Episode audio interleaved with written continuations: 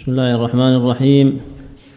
الحمد لله رب العالمين والصلاة والسلام على أشرف الأنبياء والمرسلين نبينا محمد وعلى آله وأصحابه أجمعين. قال الإمام ابن القيم رحمه الله تعالى فصل في أمر مسجد الضرار الذي نهى الله رسوله أن يقوم فيه فهدمه صلى الله عليه وسلم. وأقبل رسول الله صلى الله عليه وسلم من تبوك حتى نزل بدي حتى نزل بذي أوان. وبينها وبين المدينة ساعة. وكان أصحاب مسجد ضرار أتوه وهو يتجهز إلى تبوك. فقالوا يا رسول الله إنا قد بنينا مسجدا لذي العلة والحاجة والليلة المطيرة الشاتية. وإنا نحب أن تأتينا فتصلي لنا فيه. فقال إني على جناح سفر إني على جناح سفر وحال شغل. ولو قدمنا إن شاء الله لآتيناكم فصلينا لكم فيه. فلما نزل بذي أوان جاءه خبر المسجد من السماء فدعا مالك بن الدخشم أخا بني سلمة بن عوف ومعنى ابن عدي العجلاني فقال انطلقا إلى هذا المسجد الظالم أهله. فاهدماه وحرقاه فخرجا مسرعين حتى أتيا بني سالم بن عوف وهم رهط مالك بن الدخشم.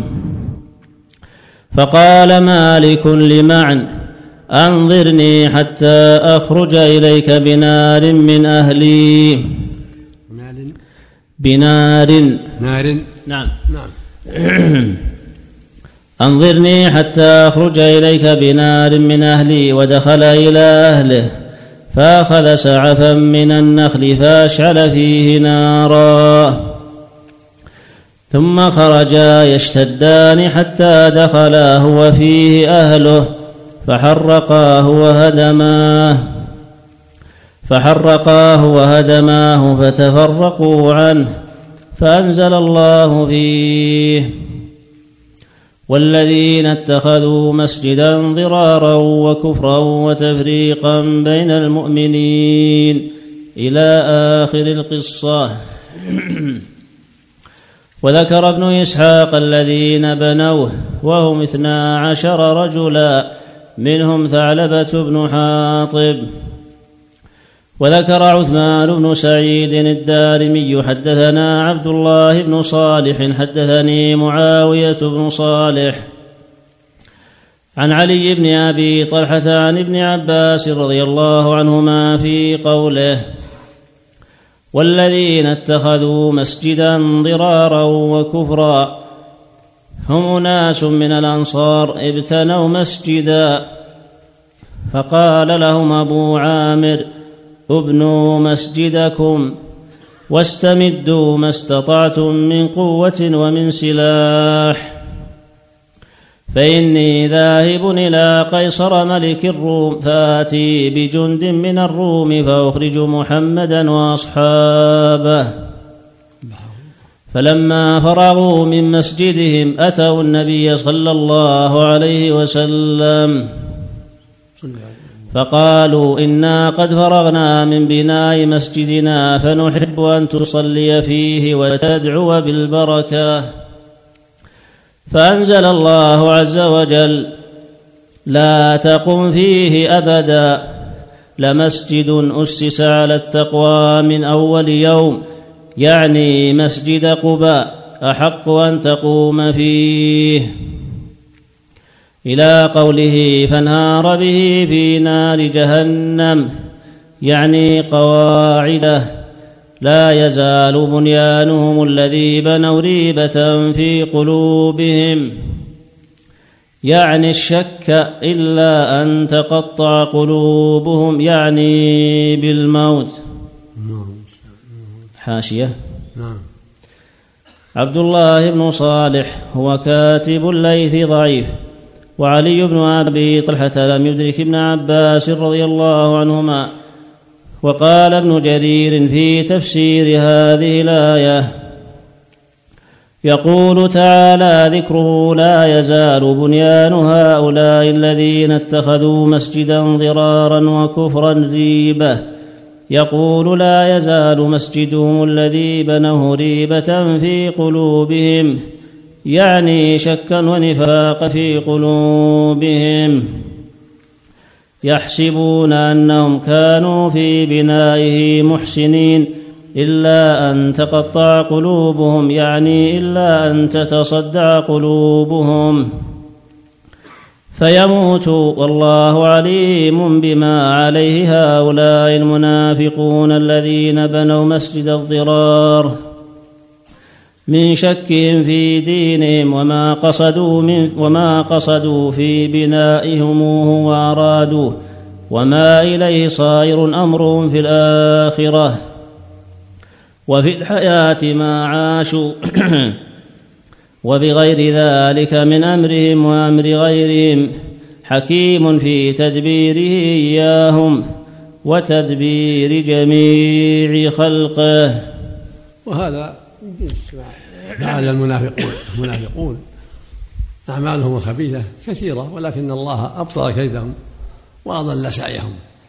وباءوا بالخيبة والخسران وفضحهم الله.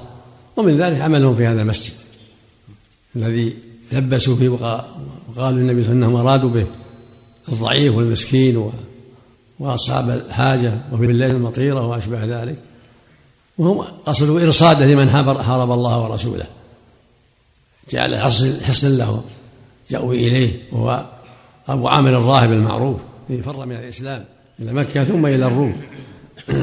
ويقال سابقا الراهب فلما كفر بالحق قيل له أبو عامر الفاسق الضال. فضحهم الله وأنزل في مسجدهم ما أنزل وهدمه النبي صلى الله عليه وسلم وبين ضلالهم. وهكذا المساجد التي تبنى على وجه غير وجه شرعي يجب أن تزال وتهدم. وأن لا تمنع إلا على وجه الشرعي فالمقصود أن الله جل وعلا فضح المنافقين في مواضع كثيرة من أعمالهم الخبيثة. وذلك جل وعلا وذلك منه جل وعلا نصرا لنبيه وتأييدا لنبيه وفضيحة لأعدائه. وهكذا يقول جل وعلا ولا ينصرن الله من ينصره ويقول جل وعلا إنا لننصر رسلنا والذين آمنوا في الحياة الدنيا ويوم يقوم الأشهاد ويقول جل وعلا يا أيها الذين آمنوا إن تنصروا الله ينصركم ويثبت أقدامكم. فالمؤمنون إذا استقاموا ونصروا دين الله نصرهم الله وأيدهم وإن قلوا. وإنما يؤخذ الناس من ذنوبهم وسيئاتهم وتفريطهم. وما أصابكم من مصيبة فبما كسبت أيديكم ويعفو عن كثير.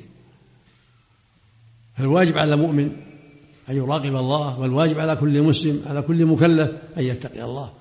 وأن يراقب الله فيما يأتي ويذر وأن يحذر عقوبة الله العاجلة والآجلة. ولا يحسب أن الله يخفى عليه خافية إن الله جل وعلا يعلم ما تخفيه الصدور. إن الله عليم بذات الصدور. فالواجب الحذر من مغبة السيئات والأعمال الخبيثة. والله يقول سبحانه ويحذركم الله نفسه. يحذركم الله نفسه. فيقول جل وعلا يا أيها الذين آمنوا خذوا حذركم.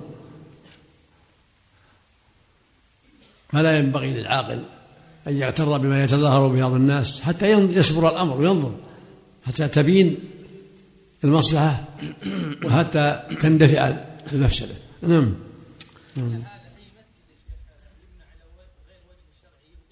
نعم. لا ولاة ولاة الأمور نعم. ولاة الأمور ينظروا فيه واسطة أهل العلم والإيمان. نعم. المسجد الذي بني على التقوى مسجد قباء ومسجد النبي كله كلاهما. مسجد قباء بني على التقوى من أول يوم مسجد الرسول من باب أولى. ولهذا قال لما سأله قال هذا مسجدي هذا.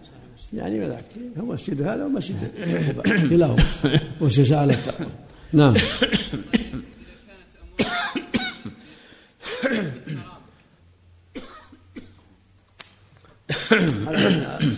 المسجد يعمر بطاعة الله ولا يضرك ونهى برب الحرام لكن تكون من كسب طيب هذا هو اللي ولا لا صلي فيه وعبد الله فيه والإثم على من كسب الحرام فصل فلما دنا رسول الله صلى الله عليه وسلم من المدينة خرج الناس لتلقيه وخرج النساء والصبيان والولائد يقول طلع البدر علينا من ثنيات الوداع وجب الشكر علينا ما دعا لله داعي. وبعض الرواة يهم في هذا ويقول إنما كان ذلك عند مقدمه إلى المدينة من مكة. وهو وهم ظاهر لأن ثنيات الوداع إنما هي من ناحية الشام لا يراها القادم من مكة إلى المدينة ولا يمر بها إلا إذا توجه إلى الشام فلما أشرف على المدينة قال هذه طابة. وهذا أحد. يأتي. نعم. هذه طابة وهذا أحد جبل يحبنا ونحبه. متفق عليه من حديث أنس. طابة من أسماء المدينة. طابة وطيبة من أسماء المدينة. وفي هذا دلالة أن بعض البقاع والجبال. لها إحساس في حب الله ورسوله. هذا جبل يحبنا ونحبه. الله يجعل فيها ما يشاء سبحانه وتعالى. نعم اللهم نسأل الله وطيبه مثل ما سمعت الله عنه فلما دخل قال العباس يا رسول الله إذن لي أمتدحك فقال رسول الله صلى الله عليه وسلم قل لا يفضض الله فاك. فقال من قبلها طبت في الظلال وفي مستودع حيث يخصف الورق. ثم هبطت البلاد لا بشر. أنت ولا مضغة ولا علق بل نطفة تركب السفينة وقد ألجم نسرا وأهله الغرق. تنقل من صالب إلى رحم إذا مضى عالم بدا طبق. حتى احتوى بيتك المهيمن من خندف عليا تحتها النطق. وأنت لما ولدت أشرقت الأرض وضاءت بنورك الأفق. فنحن في ذلك الضياء وفي النور وسبل الرشاد نخترق.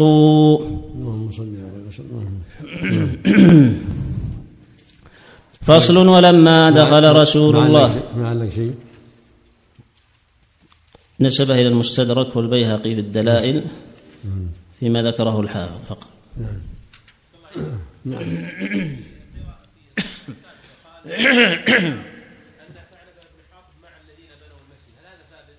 الله أعلم. نعم. نعم. فصل ولما دخل رسول الله صلى الله عليه وسلم المدينة بدا بالمسجد فصلى فيه ركعتين. ثم جلس للناس فجاءه المخلفون فطفقوا يعتذرون إليه ويحلفون له.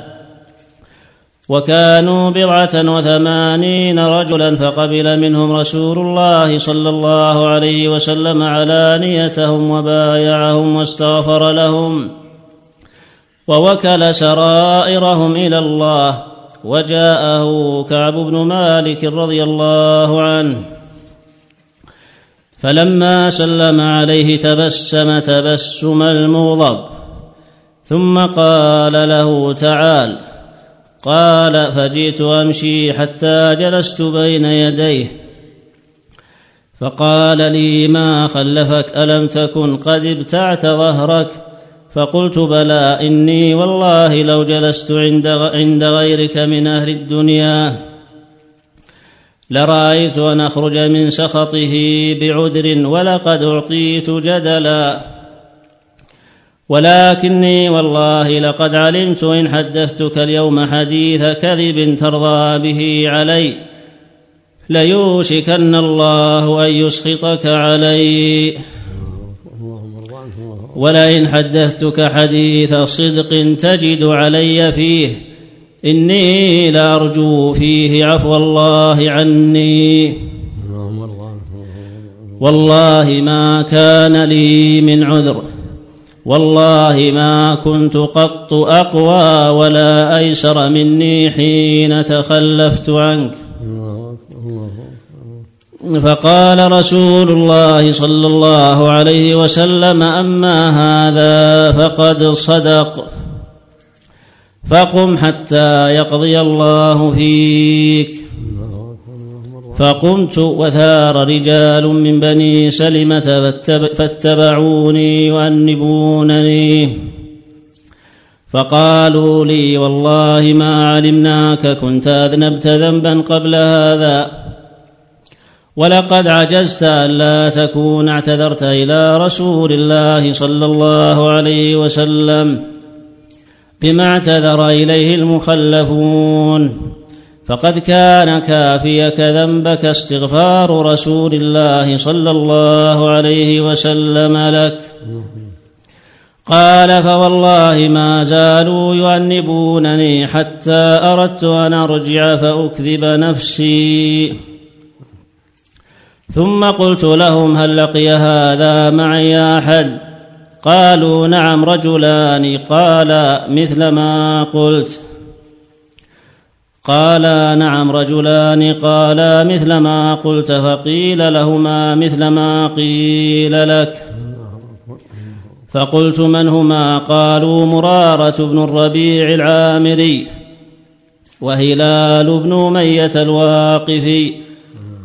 فذكروا لي رجلين شهد صالحين شهدا بدرا فيهما أسوة فمضيت حين ذكروهما لي. ونهى رسول الله صلى الله عليه وسلم المسلمين عن كلامنا أيها الثلاثة من بين من تخلف عنه.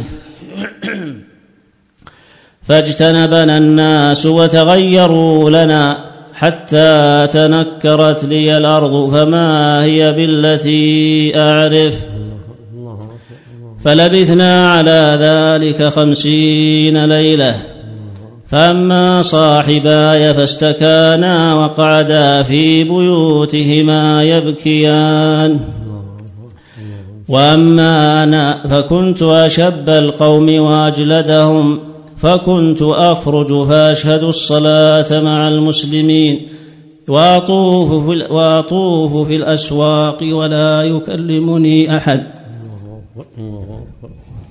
وهذا دلالة على عظيم طاعة الصحابة الرسول صلى الله عليه وسلم وعنايتهم بالسمع والطاعة.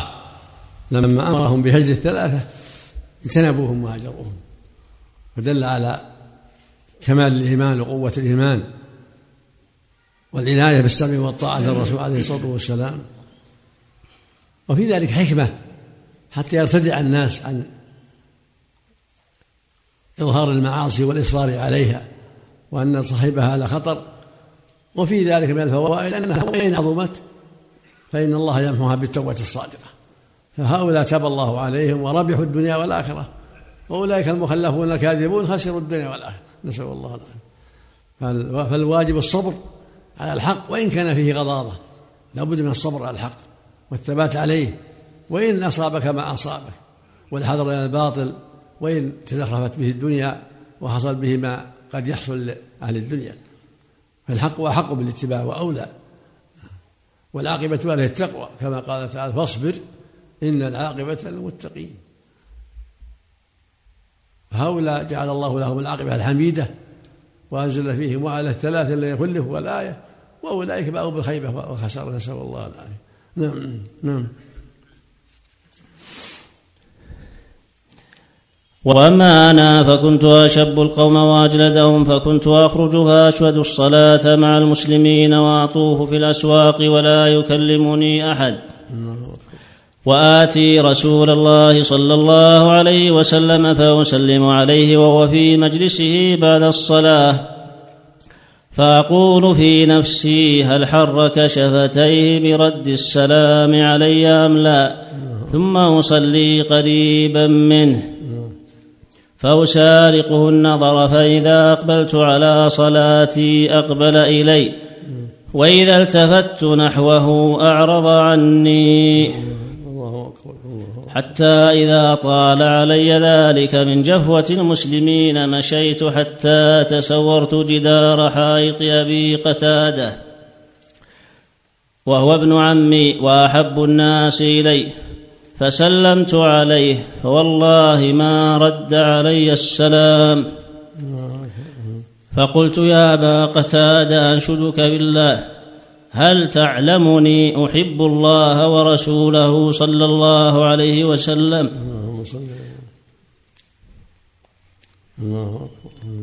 فسكت فعدت فناشدته فسكت فعدت فناشدته.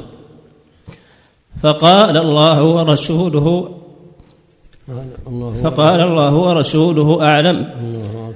ففاضت عيناي. ففاضت عيناي وتوليت حتى تصورت الجدار. فبينا أنا أمشي بسوق المدينة. إذا نبطي من أنباط الشام ممن قدم بالطعام يبيعه بالمدينة. يقول من يدل على كعب بن مالك؟ فطفق الناس يشيرون له حتى إذا جاني دفع إلي كتابا من ملك غسان فإذا فيه أما بعد فإنه بلغني أن صاحبك قد جفاك. ولم يجعلك الله بدار هوان ولا مضيعة.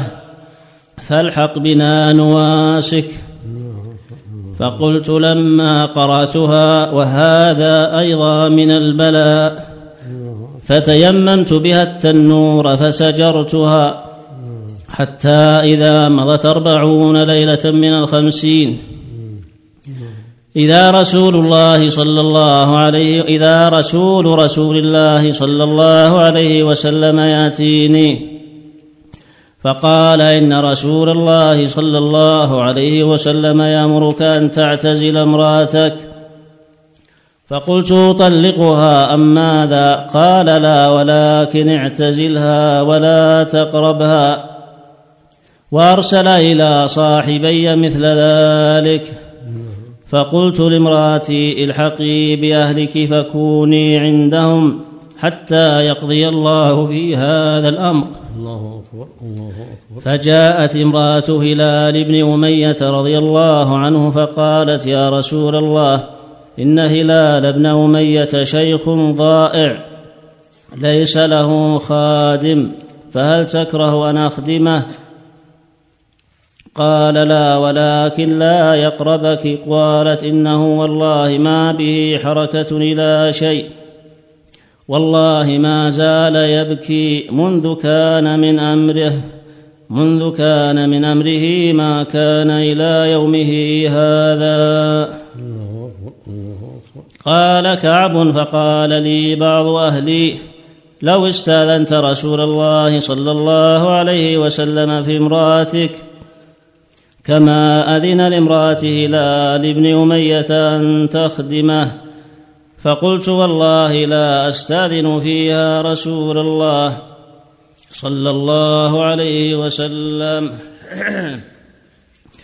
وما يدريني ما يقول رسول الله صلى الله عليه وسلم اذا استاذنته فيها وأنا رجل شاب ولبثت بعد ذلك عشر ليال حتى كملت لنا خمسون ليله من حين نهى رسول الله صلى الله عليه وسلم عن كلامنا فلما صليت صلاة الفجر صبح خمسين ليلة على سطح بيت من بيوتنا بين أنا جالس على الحال التي ذكر الله تعالى.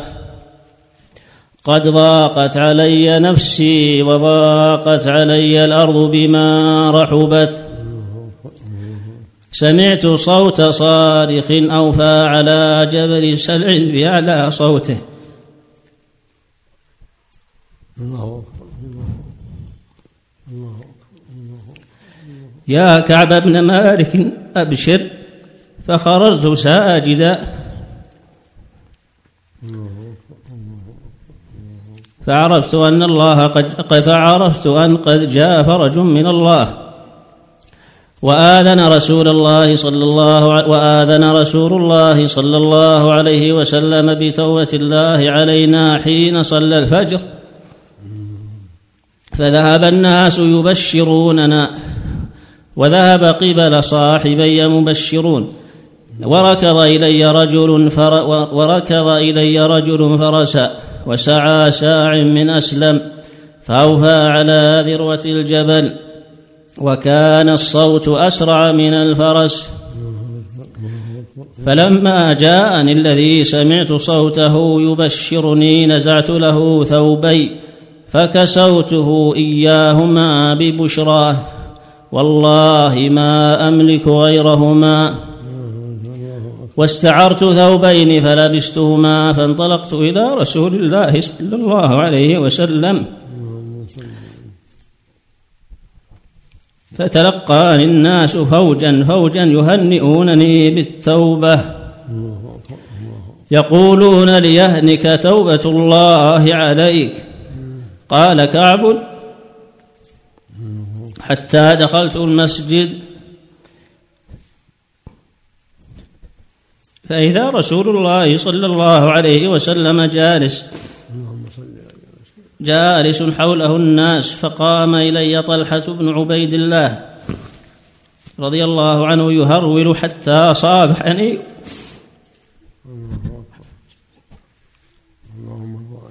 حتى صافحني وهنأني. والله ما قام إلي رجل من المهاجرين غيره ولن أنساها لطلحة. فلما سلمت على على رسول الله صلى الله عليه وسلم. قال وهو يبرق وجهه من السرور. أبشر بخير يوم اللهم صل على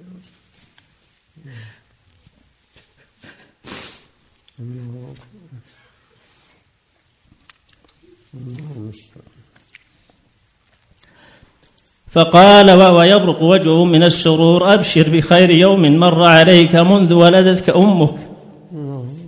قال قلت أمن عندك؟ يا رسول الله أم من عند الله؟ قال لا بل من عند الله.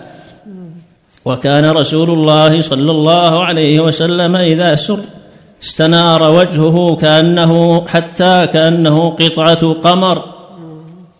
وكنا نعرف ذلك منه. فلما جلست بين يديه قلت يا رسول الله إن من توبتي أن انخلع من مالي صدقة إلى الله وإلى رسوله. فقال أمسك عليك بعض مالك فهو خير لك. قلت فإني أمسك سهمي الذي بخيبر. فقلت يا رسول الله إن الله إنما نجاني بالصدق. وإن من توبتي ألا أحدث إلا صدقا ما بقيت. فوالله ما أعلم أحدا من المسلمين أبلاه الله في صدق الحديث منذ ذكرت ذلك. منذ ذكرت ذلك لرسول الله صلى الله عليه وسلم إلى يومي هذا ما أبلاني. والله ما تعمدت بعد ذلك إلى يومي هذا كذبا. وإني لأرجو أن يحفظني الله فيما بقيت. فأنزل الله تعالى على رسوله صلى الله عليه وسلم لقد تاب الله على النبي والمهاجرين والأنصار إلى قوله يا أيها الذين آمنوا اتقوا الله وكونوا مع الصادقين فوالله ما أنعم الله علي نعمة قط بعد أن هداني للإسلام. أعظم في نفسي من صدقي رسول الله صلى الله عليه وسلم ألا أكون كذبته فأهلك فأهلك كما هلك الذين كذبوا. فإن الله قال للذين كذبوا حين أنزل الوحي شر ما قال لأحد. قال سيحلفون بالله لكم إذا انقلبتم إليهم إلى قوله فإن الله لا يرضى عن القوم الفاسقين.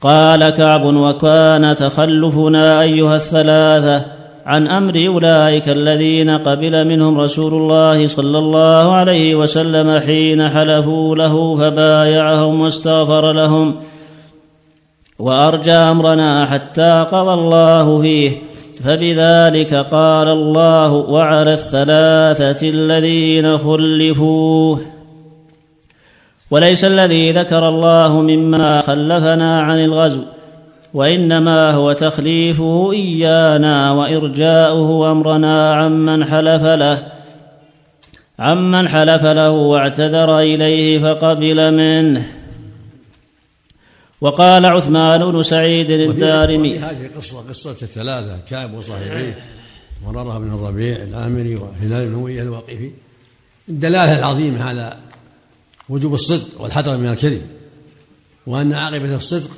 حميدة وعاقبة الكذب وخيمة. ولهذا قال جل وعلا يا أيها الذين آمنوا اتقوا الله وكونوا مع الصادقين.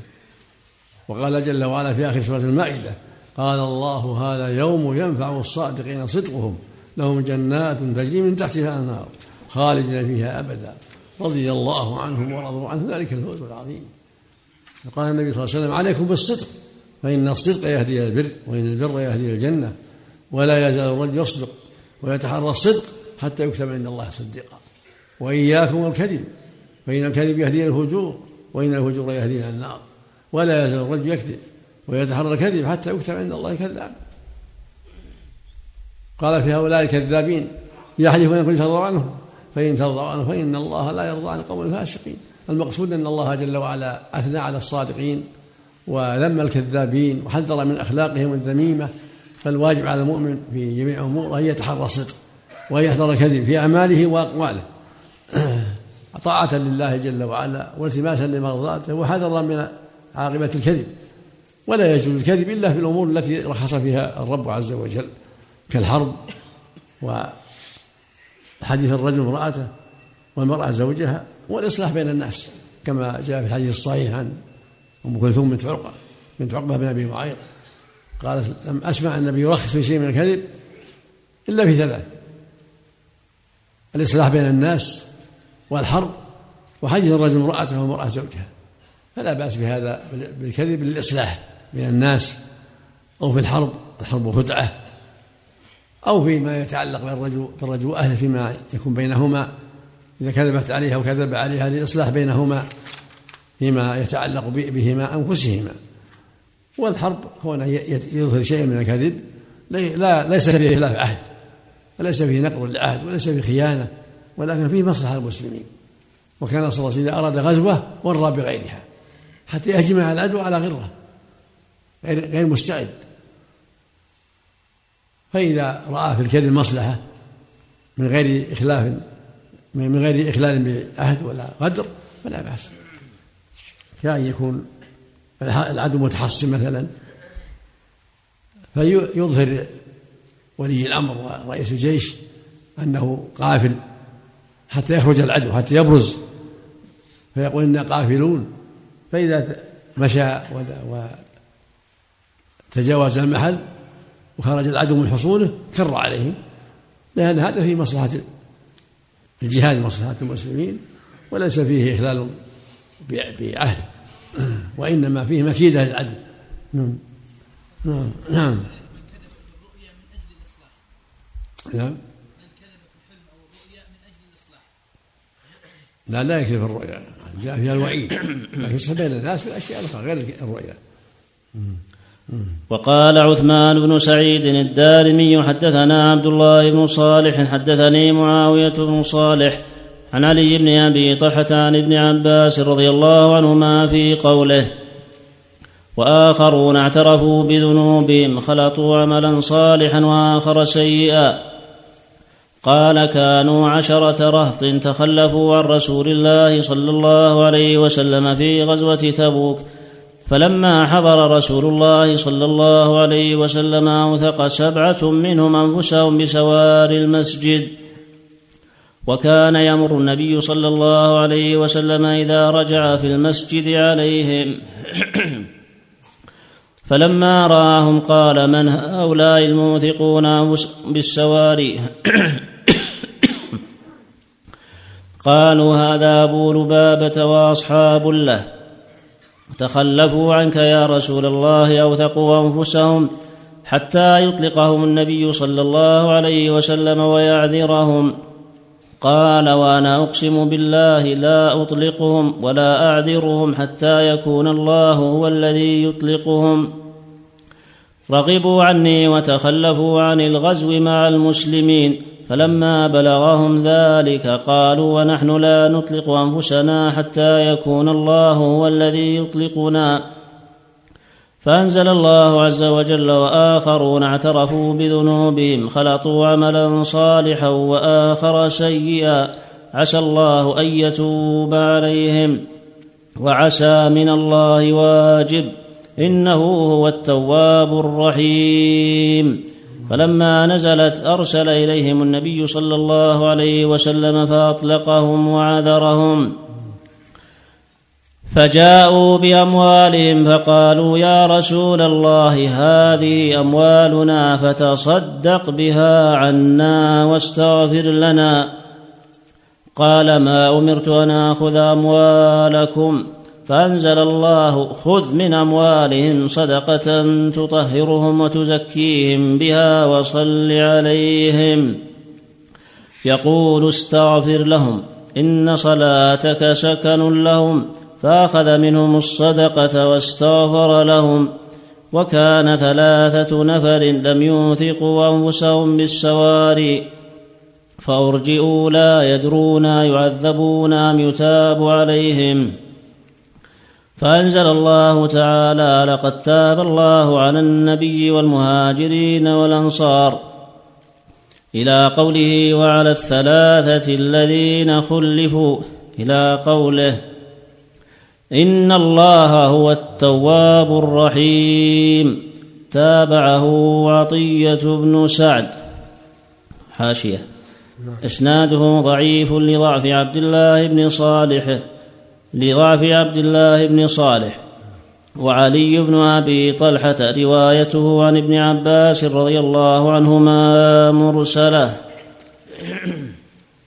الأثر ضعيف لا شك انقطاعه ولضعف عطية أيضا العوفي أما عبد الله بن صالح فهو له بعض فيه بعض النقص ولكنه من شيوخ البخاري رحمه الله وله وليس على إطلاق ما قاله محشي بل له بعض الأغلاط والنقص وليس به مطلق الضعف.